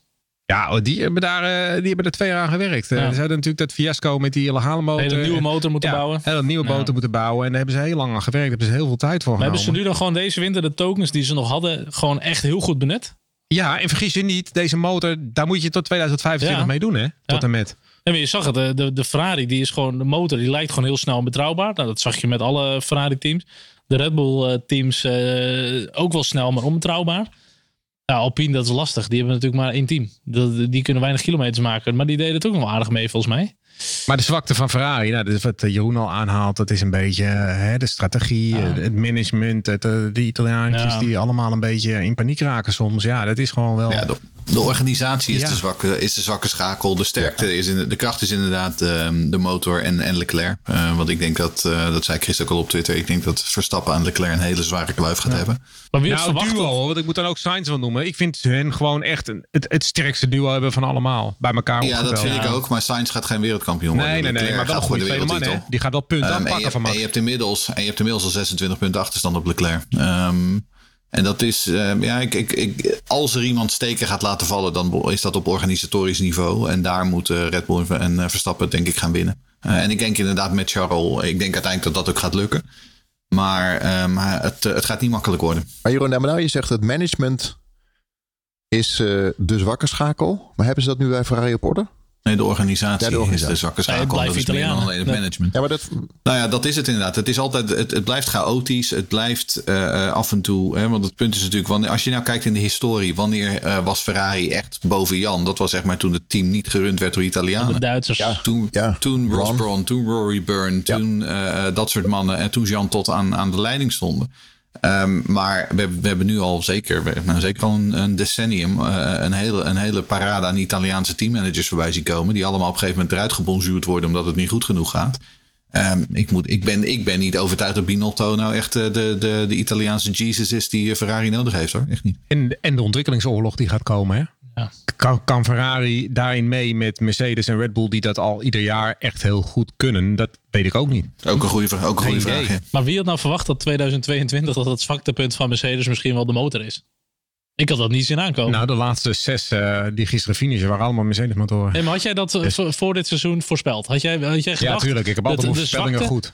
altijd. Nee, maar Mercedes was altijd zo sterk vanwege die motor. En nu ja. zijn er wat ontwikkelingen geweest met de tokens die ze hebben. Um, ik had het niet zien aankomen dat Mercedes nu nee. de slechtste zou zijn dan op het gebied nee, van maar motoren. laten we even. Ja, of, zijn die, of, zijn die, of, zijn die, ja, of zijn die auto's gewoon niet goed? Hè? Want ik bedoel, we weten natuurlijk ook. Ik bedoel, Mercedes had natuurlijk vorig jaar wel gewoon echt een dijk van de motor. Dat zijn ze hmm. niet opeens kwijt. Um, en, en om heel eerlijk te zijn, um, ik sla sowieso niet heel stijl achterover van een Williams. Um, want nee. die Williams die, die, die ziet er heel erg nerveus uit. Uh, die ziet er niet lekker uit. Voor mij is die um, McLaren, daar weten we van, die hebben hele zware problemen met de remmen. Want we hebben het net over de remmen van Verstappen gehad. Maar McLaren heeft dat veel erger. Die zei van tevoren al, we weten niet eens of we wel een hele race uit kunnen rijden met deze, met deze remmen. En we hebben een soort quick fix erop geschroefd. Um, dus ik, ik gok dat McLaren ook uiteindelijk uh, over een aantal races alweer naar voren komt. Um, en ja, die Aston Martin is volgens mij gewoon langzaam. Ja. Dus gewoon, die auto werkt gewoon volgens mij gewoon niet. Ja. Plus, ze hebben natuurlijk, uh, uh, ze moeten leunen op Stroll. Nou, dan, ben je, dan sta je sowieso al 2-0 achter. Eens hoor. Maar goed, uh, terugkomend op Ferrari. Ja, ik vond het wel gaaf om te zien. Hoor. Het is gewoon een hele fijne afwisseling. Een keer geen, ja. geen Mercedes of geen Red Bull Max. Het was gewoon ook al met al gewoon een goed weekend voor Ferrari. En dat zag je ook al met het testen, de opbouw in het hele weekend. En uh, toch wel mooi dat hij gewoon dan de pole position heeft, snelste ronde en de overwinning. Ja, hoe heet dat ook en ook weer? gewoon een 1-2. Grand Slam. Ja, Grand Slam dan. Um, en de laatste keer dat ze in Bahrein 1-2 hadden, was volgens mij nog met Massa en Alonso en ook uh, Hamilton uh, op het podium. Ja, is leuk. Ik vind het wel fijn hoor, een beetje afwisseling erin. Zeker. Ik heb echt genoten. Echt uh, drie teams aan kop. Genoten. Genoten, inderdaad. Gevecht in het middenveld. Mercedes mazzelt weer een keertje. Daar baal ik dan wel van eigenlijk. En denk, altijd weer toch weer Weer Lewis op het podium. Maar goed, het is hem gegund. Uh, Haas erg goed. Alfa Romeo vol in de punten. Jeroen Scholten, hoe blij ben je met, Ma met Haas? Uh, ja, heel blij. Ik ben uh, sowieso blij dat het team uh, overleefd heeft de afgelopen moeilijke jaren. Je klinkt ook zo blij. Je ziet er zo blij uit. ja. Hoe blij ben jij? Ja, maar ik probeer rustig mm in de microfoon te praten en mijn blijheid je, een beetje voor mezelf te houden. Via Play-style ben jij ik heel het ben ik bezig nu. ik ben heel blij. Ja. Nee, ik vind het hartstikke leuk, joh. En ik vind het echt uh, een heel leuk team. Wat gewoon al, al de afgelopen twee, drie jaar of zo echt voor, voor Jan Lul meereed. En uh, ik vind het echt heel leuk dat ze zo uh, gerevived zijn. Mede denk ik ook door die motor. En ook, want ik hoorde Safnauer van uh, Nu Alpine, die was altijd aan het zeiken over uh, de B-teams. Dus dat Haas wel heel erg op Ferrari lijkt. En uh, so what? AlphaTauri en Mercedes. Nou, dat vind ja. ik dus ook so what. Ja. En nu, we, we, hebben daardoor alleen maar een competitiever veld. Al is het dezelfde en, auto met andere stickers, wat kan mij dat nou schelen? Nou, dat vind ik ook niet helemaal. Het is en wel goed. Formule 1. Dan moet je een specserie gaan kijken als je dat wil. Maar, maar met ik, de Racing Point deden ze het ook. En dan Ze kopiëren alles wat... Ja, nee, ja, Safnauer had hypocriet, want die zat toen bij, bij, bij, Racing Point. Dat, dus... Ja. Maar ik, ik, vind, ik, vind, ik vind het prima. En, en daardoor kan zo'n team ook naar voren komen. Als ze het allemaal zelf moeten doen, dan wordt het lastiger. Maar nu kunnen ze heel veel met Ferrari doen. Ze gebruiken ook dezelfde windtunnel, geloof ik. Dus dat gaat allemaal... Uh, ja, ik vind het heel leuk dat ze weer uh, daar staan. Wat ik me wel af zat te vragen een aantal keer, uh, betrapte ik me op dit weekend. Wat nou als Haas met Mazepin en Schumacher aan de start was Ja, goede ja, goede vraag. Hadden ze dan, nee, hadden ze dan ook deze punten nee. gehad? Nee, nee, dat denk ik dus ook niet. Nee. Dat denk ik dus ook Nee, Magnussen die tilt dat niveau want, gewoon ja, echt op. Ja, familie, ja. We weten dat Schumacher beter is dan Mazepin. Dat heeft hij afgelopen seizoen wel laten ja, Jij zien. bent ook beter dan Mazepin. nou, dat denk ik niet. Maar, Ligt eraan waarin. Maar, de, mag nu, maar ik bedoel, en ik, dit, dit zei ik vorige keer volgens mij al. Uh, je, je, het is natuurlijk, de aanleiding is natuurlijk verschrikkelijk, die oorlog in de Oekraïne. Maar Haas ja. heeft echt een geluk bij een ongeluk gehad dat ze, dat ze Mazepin hebben kunnen dumpen. En dat ze nu uh, Magnus hebben aan kunnen stellen. Want dat die, wat jij zegt, die heeft dat team echt naar een heel hoog niveau, uh, veel hoger niveau gebracht. Ik denk ook dat Magnussen nu gewoon vrij kan rijden. Je hebt niet meer die druk van uh, sponsors, ja. presteren, dat soort dingen. Hij heeft met Le Mans in IndyCar gezeten. Ik denk dat dat ook een hoop doet hoor, met een coureur. Dat je gewoon mag zitten en eigenlijk alles wat je doet is al beter dan Mazepin. Dus ze zijn al heel blij met je. En ik denk als je ja, dan En, sowieso kan heeft niks te verliezen. Hè? Nou, dat zeg maar. Dat lijkt me echt mooi. Kijk, zo'n Mick. Want die... zijn carrière was over. Zijn Formule 1 ja. carrière was over. Ja, dus ik bezoek, de, al, elke race die hij nu rijdt in die Haas is bonus. Ja, per dat, definitie. Ja, goed, en goed, vergelijk dat met Mick. Die wil nog presteren. Die heeft nog een hele carrière hopelijk voor zich. Die wil het succes van zijn vader natuurlijk zien te, te volgen. Daar zit heel veel druk op. En zo'n zo'n Magnussen, nou. die heeft, uh, is volledig vrij. Exact. En ik moet wel zeggen, als Mick moet wel heel snel uh, het gaspedaal gaan vinden. Want als dit zo doorgaat en die, krijgt, die wordt gewoon helemaal naar huis gereden door Magnussen. Dan uh, vrees ik dat de carrière van, uh, van Mick Schumacher vrij snel ten einde is. Want dan overleef je dit niet. Dan heb je nog wel een achternaam. Maar, we hebben het er heel dan vaak... Een soort, dan, dan word je een soort Pietro Fittipaldi. Dan mag je nog ergens reserverijder worden. Waar je vervolgens gepasseerd wordt op het moment dat er een stoel vrijkomt. Het is, bij, het is bij hem ook nostalgie. Ja, het is maar ook vragen over Chris van Ditshuizen. Welke verklaring hebben jullie voor de goede prestatie van K-Mac? En, is, uh, hè, en wat zegt dit over Mick? Nou ja, we hebben eigenlijk volgens mij altijd al een beetje geroepen dat, dat Mick is best een goede coureur. Maar verwacht, zijn, zijn achternaam die wekt verwachtingen ja. waar hij nooit aan zal kunnen voldoen. Want dat talent heeft hij niet. Nou, nu hebben we allemaal vandaag ook kunnen lezen dat Sainz waarschijnlijk gaat bijtekenen. Nou ja, gezien uh, ja. hoe het momenteel gaat, dan kun je meteen bijtekenen voor een paar jaar, twee jaar, drie jaar misschien. Ja. Dus die deur van Ferrari ja. die is voorlopig wel dicht voor Mick. En uh, ja, hij zit in dat Ferrari schooltje. Dus er is er eigenlijk niet heel veel mogelijk meer voor hem. Behalve Alfa Romeo wellicht. Uh, of hij moet natuurlijk naar een heel ander team gaan. Maar ja, daar moet je niet uh, een halve seconde per ronde achter Magnussen aan gaan hobbelen natuurlijk. Want dan gaat niemand je vragen. Nee, nou kijk, het enige wat je nog voor hem kunt zeggen is dat zijn tweede jaar doorgaans beter is dan zijn eerste. Dat was in de Formule 3 zo, dat was in de Formule 2 zo. Um, maar het, grootste probleem is denk ik dat als je achter hem gaat kijken in die FDA, in de Ferrari Drivers Academy, daar komen nog wel een paar andere jongetjes aan hoor, waar die, uh, die, die volgens mij veel meer Uh, um, uh, hij, hij, heeft denk ik nog één of twee jaar. En dan is Oliver Beerman klaar. Um, ja. En dan komt Oliver Beerman aankloppen. En dan... Um, ja, die is wel was, 16 of 17 of zo? Ja, 16 of 17. Maar ik bedoel, die heeft het in zich om een Piastri te worden. Ferrari wil gewoon natuurlijk echt een nieuw talent weer klaarstomen. En dat, uh, Leclerc ja, exact, was het ja. grote talent. Maar goed, die zit daar nu. Ze moeten nu wel gaan nadenken ze, over de, drie jaar. De die moeten we dan klaar hebben. En het is niet Mick op dit moment. En jij noemt Piastri nu, maar dat is ook dat verhaal van. Want je kan wel zeuren over de kleinere teams die uh, samenwerken met grotere teams. Maar mm -hmm. wees blij met een met een Alfa Tauri. Want die komen nog met jonge talenten. En Haas met Mick ook. Uh, Alfa Romeo doet het wel eens met Giovinazzi en zo. Nee, talenten zei je toch? nou, ik vind Giovinazzi best oké. Oh. Maar Piastri, in ieder geval Academy drivers. Piastri die pist naar het post omdat Alpine dat dus niet heeft. En ik weet ook niet hoe dat volgend jaar gaat. Ik zie nog niet echt een opening voor hem. Uh, dus dat soort kleine teams die heb je juist nodig. Maar Alpine is toch eigenlijk al een soort B-team? het is een fabrieksteam. sorry, sorry. En een oh, dubbele punten Ja, dat is wel waar. Ook okay. rijder, een tweevoudig wereldkampioen. Ja, Kom op. L-plan en zo. Ja, okay. ja, L-plan. Maar het is wel zo. Ik bedoel, het, hè, hier we het al eerder over gehad natuurlijk rond die academies. Uh, Alpine Academy, of de Renault Academy, is de enige waar er nog nooit eentje van gepromoveerd is naar een Formule 1 stoel. Um, en zelfs nu met Piastri houden ze dat vol. Terwijl dat waarschijnlijk het grootste talent is dat ooit door die hele Alpine Academy heen gekomen is. Um, ja, ze missen een B-team. Ze missen een junior team. Ja. Um, Williams is denk ik de meest voor de hand liggende optie op termijn. Um, maar ja, of, of inderdaad uh, de, de checkbook trekken en 300 miljoen uittekenen, zodat je maar, een, uh, een 21ste en een 22ste auto op de grid kunt zetten. Maar Alpine mist dat wel. Piastri is volkomen afhankelijk van Alonso. Van de gillen van Alonso. Ja. Wat, wat gaat Alonso doen? Maar bij Renault was het ook altijd al, en toen was volgens mij was het een tijdje Lotus of zo, was altijd al meer een soort van PR-team, toch? Hoop ik toen zat er nog in, Carmen Jorda, echt gewoon leuk voor de PR. Die was wel goed, Carmen Jorda. Die wil, ja. Ja. Hm, hij heeft ook nooit een meter in de Formule 1 auto gereden, was, maar dat tezijde. Race Reporter, de Formule 1 podcast. We moeten het nog wel even hebben over Mercedes. Lucky Podium maskeert problemen bij Mercedes. Wat is er mis bij Mercedes? Ja, wat, wat, wat Charles net ook al aanhaalt, dat concept, dat, uh, dat is waarschijnlijk best wel een concept met heel veel potentie. Al moeten we ook eerlijk zeggen dat Ferrari bijvoorbeeld heeft afgewezen, dat concept. Uh, maar vermoedelijk zit er veel, uh, veel, veel rek in dat concept. Maar wat is het concept? Ja, ja, met die uh, smalle heel smal. heel veel uh, open bodemplaat, zeg maar. Ja. Wat, en ja. die bodemplaat is natuurlijk de hele truc van deze ja. auto's natuurlijk. Hè.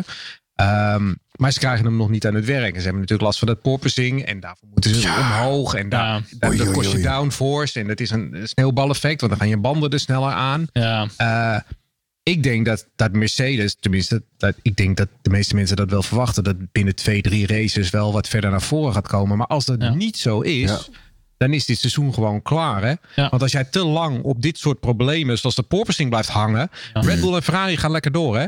Ja, ja die, die, stoppen niet, die stoppen niet met, ont, ont, met ontwikkelen. Ja. Die gaan allemaal steeds sneller. En als jij maar blijft hangen op dat probleem, dat moet je echt met twee, drie races opgelost hebben. Anders, anders is het jaar klaar voor je. Ja. En, nou, een kwalificatiepace was ook veel beter dan de race pace. Dat was overduidelijk. Want in de kwalificatie gaan ze er drie, vier tiende vanaf. Nee, maar weet je, dan zag je, er zit wel snelheid in. Ja. Maar je zag vervolgens ook op de vrijdag op een gegeven moment. Voor mij waren ze anderhalve seconde per ronde sneller dan, dan uh, langzamer dan Verstappen op dezelfde band. Ja. Nou, uiteindelijk in de race werd het, viel dat nog mee. Maar ik geloof dat ik ergens op een gegeven moment rondje 30. Toen reed Hamilton ook op 30 seconden. Ja. Dus die verloor gewoon gemiddeld een seconde per ronde. Ja, je zag ook uh, in die race. zat daar nog verder achter. In die race zag je ook in het begin kon hij nog wel een beetje bijhouden. Net na die safety car bijvoorbeeld kon hij ook aardig bij Perez blijven. Dan, dan gaat het nog wel. Maar om ja, die banden slijten gewoon bij hun te snel. Omdat ze downforce, exact, ja. die te weinig downforce hebben op die auto. Maar goed, je weet ook met Hamilton, je moet hem nooit... Uh, die is er altijd wel. Die staat er wel en die haalt het maximale eruit. Ja. En altijd als je pech geeft, heeft hij ook altijd wel toch wel weggelegd. Altijd, dus, hè? Daar word ik wel uh, gek van. Ja. Maar toch, uiteindelijk is het wel gewoon mooi dat hè, we, we, Mercedes heeft natuurlijk gewoon zeven vette jaren gehad. En die worden nu gewoon echt uit, uitgedaagd. Om, ze hebben echt gewoon een flinke uitdaging voor hun kiezen. En dat is ook wel het mooie. En dit hebben we natuurlijk in de voorbije jaren hebben we wel eens gewanhoopt van houd dit ooit nog eens op. Ja. Um, Hè? Of zoals jij altijd zegt, Jeroen Scholten met de Caries van Houten gif houdt het dan nooit op. Maar, die is leuk.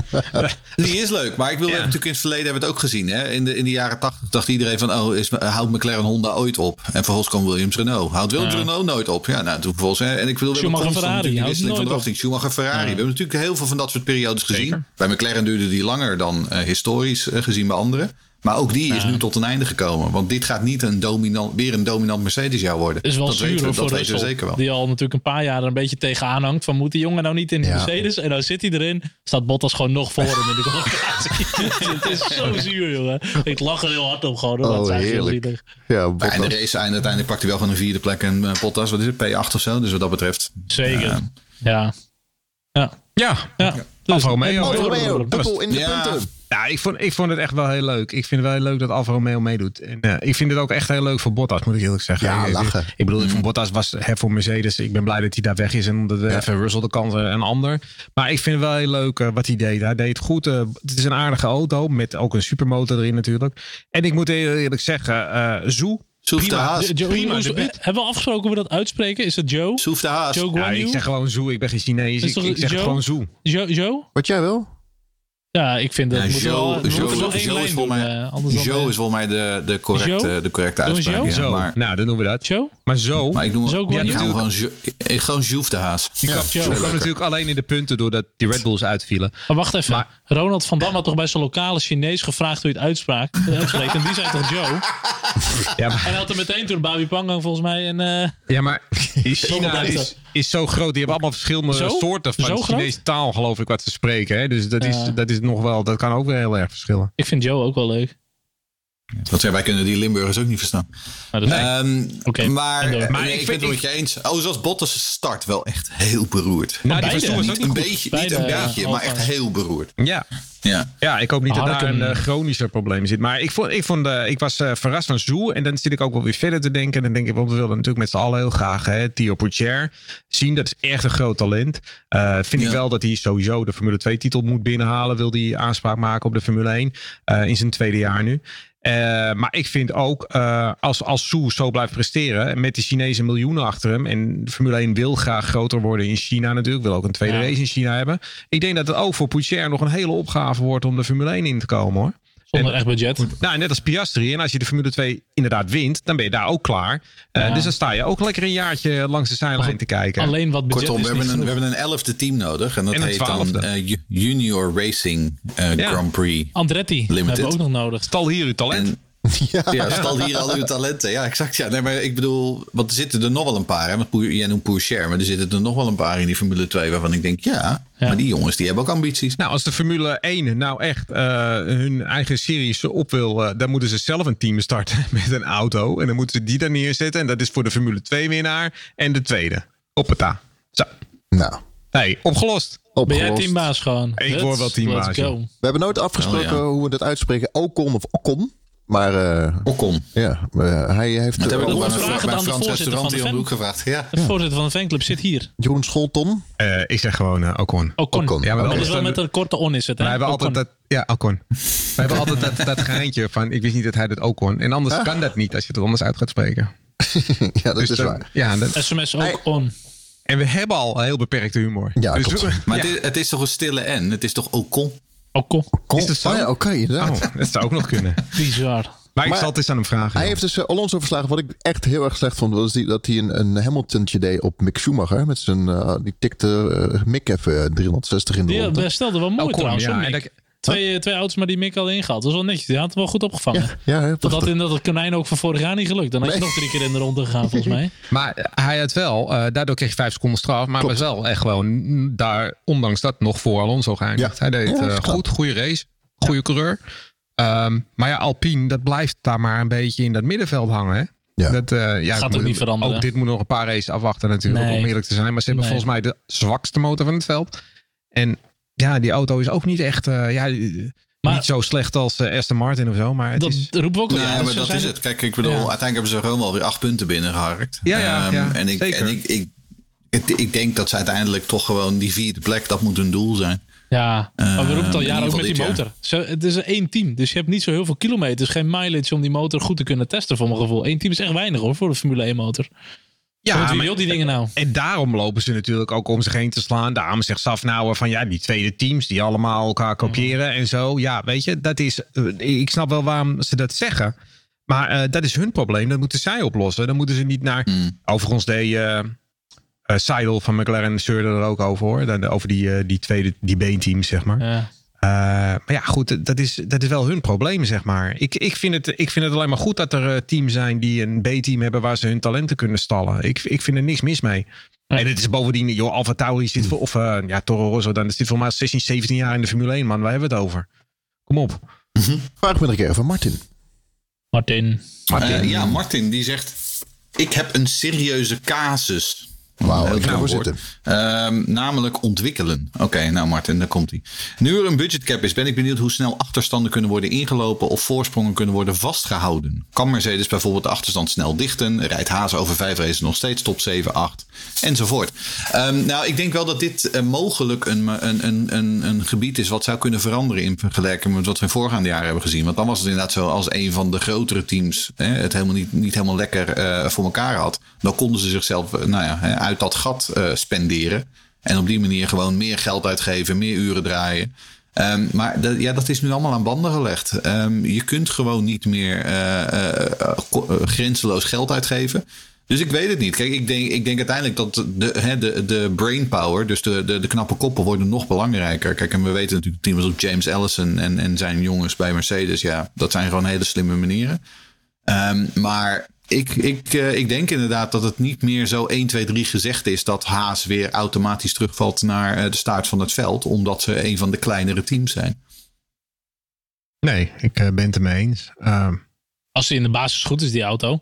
We hebben ook ja. jaren met Haas gehad dat hij in de basis gewoon echt niet goed was. En dan kun je niet vinden waar het aan ligt. En dan zit je te zoeken en gegeven moment is gewoon niet meer te doen. Ik moet wel zeggen, want ik ben het helemaal eens. James Allison is een heel succesvol ontwerper. We hebben heel veel wereldtitels en alles gewonnen. Dus daar ben ik het helemaal mee eens. Maar ook Adrian Newey heeft voor McLaren wel eens echt een zeeperts ontwikkeld. Hè? En dat is natuurlijk ook een absolute mm. topper. Uh, dus dat gebeurt soms wel eens. En ja, dat is wat ik net al zeg. Ze moeten wel heel snel de oorzaak vinden. Want anders ja. dan ga je wel een achterstand oplopen. En zeker met zo'n budgetcap. Hè? Vroeger ontwikkelde teams van alles. En dan werkt het niet. En hup, dan gooien we het maar weer weg. Ja, dat, dat kan allemaal niet meer. Nee. nee. Want dat zag ik met Honda toch, eh, dat ze er bovenop wilden komen met, uh, met Red Bull gewoon de hele zomer doordraaien op die, uh, ja. die dyno's, die ja. motoren, alles gewoon geld er tegenaan smijten gewoon. Het is niet zo makkelijk meer. Kijken naar de achterhoedegevechten. Dit is toch echt wel heel raar. McLaren en Williams in de achterhoede. Ik dacht, oké, okay, Daniel heeft corona gehad. Die gaat even niet, niet zo heel goed dit weekend. Maar heel McLaren loopt niet lekker. hadden we dit verwacht, Jeroen Demmerdaal? Nou, wel na die testweek. Uh, omdat ze natuurlijk zoveel problemen hadden met die remmen. Um, daarom weet ik ook niet helemaal of dit een blijvertje is. Of dat McLaren uh, dit eigenlijk als een soort veredelde testsessie heeft uh, beschouwd. Um, en gewoon dacht van, nou ja, we moeten deze wedstrijd gewoon door. Maar ze zeiden het van tevoren van het weekend al. Van ja, we hebben eigenlijk dat remprobleem nog steeds niet opgelost. en we hebben een soort fix-it. even een snel no noodverbandje eroverheen gelegd. Maar dat is het wel. Um, kijk, McLaren is denk ik wel een team uh, dat normaliter in ieder geval iets verder naar voren zou moeten gaan. Uh, zou moeten staan gewoon solide in het middenveld um, kan opereren. Maar we hoopten er allemaal op dat ze vooraan mee zouden doen. Dat we een strijd vooraan ja. zouden hebben met vier teams. Ja, dat zie ik niet gebeuren. Ik denk dat dat hem gewoon niet gaat worden. Uh, wat betreft Williams, ja, ik had wel gewoon verwacht dat Williams eigenlijk stijf achteraan zou staan. Uh, komt ook omdat ze met afstand het minste uh, rijdersduo hebben, wat mij betreft. Ja. Um, en ja, en als dan, als dan ook nog eens, als nou echt blijkt dat die Mercedes, die Mercedes motor gewoon wat minder is dit jaar. Ja, dan. Uh, want dat is natuurlijk iets wat ze, wat ze nog in het verleden nog wel een beetje. Ja, ja precies. Maar, ja, dat heeft ze nog wel een aantal keer uit de put geholpen. Maar, maar je, ja, als, die, als dan die pakken ook minder is, dan pakken de Honda en, de, en, en de, met name de Ferrari. Hè? Want dat, dat was natuurlijk een, een voornaamste concurrenten, Alfa en, en, en Haas. Ja, die hebben een Ferrari. En als die Ferrari motor een afgetekend de beste is, ja, dat is voor Williams heel slecht nieuws.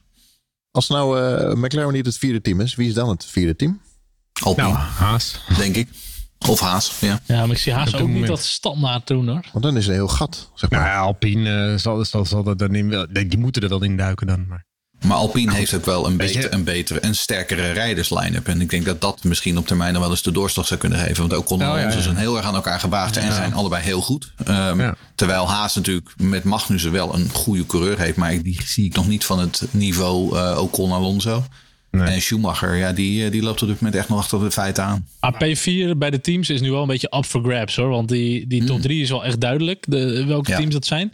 Maar goed, de Alfa-teams, uh, Alfa Tauri, Alfa Romeo, zie ik dat ook niet snel doen en, en volhouden. Uh, Haas zie ik dat ook niet doen. Aston Martin niet. Nee. Dus of nee, wat Alfa Tauri ook, maken. Maar ik Alfa Tauri had ook nog niet echt tempo dit, nee. dit, dit weekend. Nou, ik moet wel zeggen wat jij zegt ook over de remproblemen van McLaren. We moeten McLaren nog even wat langer de kans geven hoor. Want vooral met remproblemen, ja, geldt ook een beetje voor Max. Die heeft natuurlijk ook remproblemen. Mm. Dat is Bahrein ook wel een ultieme rotcircuit. Want het is best wel een stop-and-go circuit, zoals Canada dat ook is. Ja, um, ja en ja, als je die, dat, dat zal je eerst moeten oplossen voordat je echt. Uh, dat is net als met Mercedes die problemen hebben. Ja, als je die problemen hebt, dan, dan kan je ze ook nog niet echt goed beoordelen. Misschien een hele domme vraag, maar hoeveel van de auto's van vorig jaar zit op deze auto's? De coureurs. Ja, echt bijzonder weinig. Ja, maar de motor is, de motor is toch niet helemaal nieuw? Dus nog niet... Uh, nou, bij Ferrari wel. en bij, bij Ferrari wel. ook. Ja? Ja, bij Honda niet. Nee, maar het blijven wel doorontwikkelingen. Uiteindelijk heb je niet onbeperkt aantal tokens om die hele motor te kunnen vervangen, volgens mij. Het blijven doorontwikkelen. Maar het hele concept van de auto is totaal nieuw. Oké.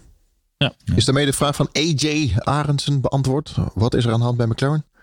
Huilon, nou ja, op, op dit moment wat we nu weten, dat hebben ze zelf dus toegegeven, is dat remprobleem. Kijk, en wat we dan nu moeten zien op het moment dat ze dat helemaal een keer opgelost hebben, ja, dan kunnen wij pas zien of die, of die auto ook werkt. Uh, maar Norris zei het natuurlijk al. Hè, was op een gegeven moment op een van die testdagen in, in Bahrein was hij de snelste. En toen zei hij van, oh, nu gaan jullie ons allemaal weer hypen natuurlijk. Nou ja, uh, dit is wel weer een beetje het andere uiterste, lijkt mij. Maar Um, ik, het zou zomaar kunnen dat McLaren uiteindelijk gewoon een solide middenteam wordt. En inderdaad een beetje rond die vierde plek gaat hangen met, uh, met Haas en Alpine. Uh, dat, ik denk dat dat op dit moment afgaande op dit weekend het beste is wat ze kunnen hopen. Je zal daar maar de sponsormanager zijn bij McLaren. Dat je met je mapje daar bij Google aan tafel zat. En ja, we hebben grootse plannen. En dan heb je Android, Google Chrome binnen. Uh, ja, nee, sorry. Nou, ja, niet zo lekker. Je gaat je, bijna af, je gaat je bijna afvragen of Norris niet een glory run heeft gedaan. Om die uh, deal nog even over de... Nou ja, dat zijn wel dingen natuurlijk. Als zij al wisten over de drempel te slepen. Ja. Misschien moet ze even googlen op de problemen. Gaan we nog even over Williams? Lichtpuntje Albon. Welk lichtpuntje? Ja, Albon deed wel aardig, moet ik zeggen. Nou, maar ja, Q2. Nogmaals, ook, ja, inderdaad. Dat, inderdaad die deed, dat, dat deed hij heel knap. Maar ook Albon, ja, ik, ik, ik weet niet of Williams daar nou echt uh, op kan bouwen. Want dat ze dat niet op Latifi kunnen, dat weten we inmiddels wel. Ja. Uh, daar heb je natuurlijk ook niet echt de zwaarste tegenstander mee. Um, want Mick Schumacher is, niet, is nog niet best. Maar Latifi is natuurlijk gewoon echt veldvulling wat dat betreft. Um, ik, ik weet het niet wat ik zeg. Ik, Williams is wat mij betreft op papier echt het, echt het zwakste team. Uh, en vooral op het rijdersvlak. Uh, Albon en Latifi, daar, word ik, daar zou ik als tegenstander niet heel erg ongerust van worden. Of vind ik dat wel mooi dat werkt. Dat uh, Albon bij, bij Red Bull uh, fikken we hem allemaal, inclusief mezelf, helemaal tot de grond toe af. Want moet die jongen daar, gooi hem eruit. En dan nu denk je, ja, het was een goed lachse taai, leuke gast, weet je wel. Leuke jongen. het wel, weet je wel. Maar ja, gewoon mooi dat hij toch weer een ah, plekje heeft. Maar het is geen topcoureur. Ik vind Williams, eigenlijk moet ik eerlijk zeggen, als we dan toch over talent hebben. Dat was nou waar Albon nu zit. Daar had ik eigenlijk liever een Piastri of Piastri een, moeten uh, zitten. Ja. Of volgend jaar een Poucher. Dat, dat, dat, dat met ja. Russell hebben gedaan. Gewoon, ja, want Albon is, talent erin. Albon is maar een, ja, een aardige coureur. Maar dat zal nooit, uh, die zal ons nooit... Maar, uh, Nee, maar het zijn allebei. Kijk, Schumacher kun je nog van zeggen. Die is Formule 3, Formule 2 kampioen. Ja. Uh, Albon en Latifi hebben allebei Formule 3, Formule 2 gereden. Maar hebben races gewonnen. Uh, Latifi werd geloof ik een vierde of zo in het kampioenschap. Maar weet je, het, dat die, en, en Albon derde geloof ik. Maar het zijn van die... Ja, maar ze hebben ook geloof ik 27 jaar in de Formule 2 gereden of zo. Ja, exact. Het zijn Formule ja. 2 subtoppers. Die uiteindelijk uh, in dit geval uh, Latifi vooral, maar ook Albon natuurlijk. Gewoon doordat ze wat financiële steun hadden, konden ze daar terecht. Ja, ik, ik word, ik zeggen, ik, ik zou er s'nachts niet wakker van liggen als ik, als ik de concurrentie ben. We hebben een vraag gekregen van Brave Bello. Is dat een, een Twitter-account van iemands hond? Geen idee. Oké. Hij is wel braaf. Ja. ja. heel braaf. Hoe schatten jullie de Mercedes motor in, gezien dat de klantenteams van Mercedes stijf achteraan eindigen, minus Red Bull en Gasly, terwijl Hamilton en Russell met een stuiterend chassis nog P3 en P4 weten te pakken? Ja, we hebben eigenlijk al een beetje besproken. Ik, ik kan me niet voorstellen dat die motor uh, ineens heel slecht is geworden, of dat de rest, die hebben heus al stappen gemaakt. Maar ik denk dat Mercedes echt nog wel gaat komen. Ik denk, uh, we, hebben het al gehad over die, die, die auto die wat hoger moet. Met de banden. Uh, ja, ik denk dat ze gewoon hun pakket nog niet uh, in een optimaal eh, window hebben gekregen. En als dat eenmaal gaat lukken, dan, dan zullen ze er echt wel weer komen, denk ik. Maar het is wel een radicaal andere motor dan het vorig jaar, dat heb ik begrepen. Zo'n ja. 80% van. Het, en, en je hebt natuurlijk die andere benzine, het zou kunnen. Ja. Maar ik schrijf ze ook nog niet af, nee. Nee, ook qua motor niet. Moet je nooit doen. Nee. Hamilton. Een gevoelig puntje natuurlijk. Vooruitblik volgende Grand Prix Saudi-Arabië. Melbourne.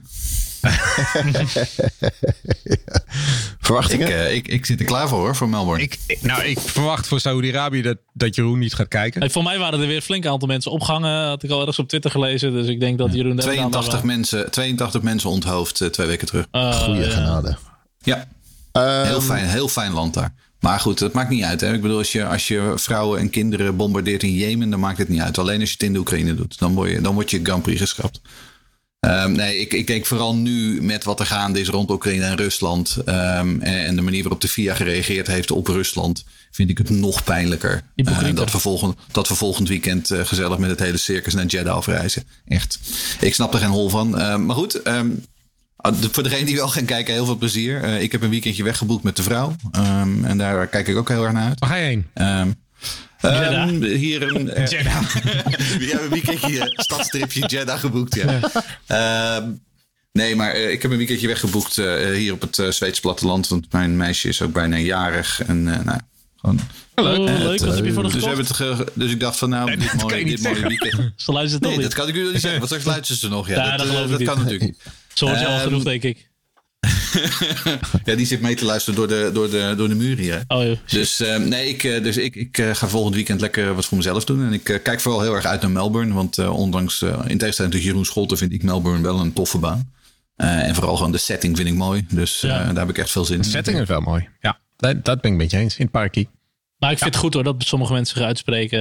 En net als onze grote vriend van Unraised, for one. Ja. Ik, ik, vind het wel goed. Jasper. Goed, goed tegengeluid. Maar goed, ja, vorig jaar, dat was wel eh, echt wel een bizarre Grand Prix. Echt ook wel weer vuurwerk natuurlijk tussen Max en Hamilton. En uh, ik verwacht dit jaar ook wel weer gewoon echt wel een, uh, een, een, spannende, mooie race eigenlijk. Heel veel off-tracks. Uh, apart baantje. Heel veel ja. straffen natuurlijk. Want wat ik al zei, vorig jaar, alle ingrediënten zijn weer aanwezig voor een hele ja. mooie Grand Prix. Voorspellingen dan maar. Heel even kort, ah. Charles, doe je nog simrace? Want daar hoor ik je niet meer over. Nou, nee, te weinig. Ik hoop, uh, Peter luistert altijd en ik, ik, ik ben er nooit gewoon. Ja. Het, is echt, uh, het is echt drama. Maar nee. Ga, ga weer een simrace dan. Ja, dat zeg ik altijd. Maar ik zeg het gewoon nu niet meer, want ik doe het toch niet. Nee, want ik, bijvoorbeeld dit circuit. Ik zou het leuk vinden als jij uh, die circuit zou rijden in F1 uh, Formule 1 op de sim. Ja, dan moet jij het editen en ja, nee, maar wat doe. Dan doe jij een beetje dan doe ik even de doornbos. Doe ik dan de doornbosje even, zeg maar. Dan gaan we, gaan we het over hebben. Oké. Okay, per race een verslagje van het, van het circuit. Ja. Maar goed, ik vind het gewoon jammer. Twee races op rij in zo'n ja. oliestaat. Uh, dat, ja. ik, ik vind dat... Het ligt natuurlijk wel onder druk, ook de traditionele Grand Prix. Nou, volgens mij hebben we al vier, vijf op rij nu in oliestaten gehad. Hè? We Qatar, toen Saudi-Arabië, ja, toen Abu Dhabi, toen Bahrein en nu weer. Eens. Oké, okay, ik had het over dit seizoen. Maar nee, absoluut. nee, maar goed, het, het, gaat wel echt domineren. En als je er één of twee hebt in een kalender, prima of drie. Maar Um, als het nu ten koste gaat van traditionele uh, Grand Prix. En ook die kalender wordt alleen maar groter. En dat vind ik ook wel. Nou, hoeft voor mij niet persoonlijk.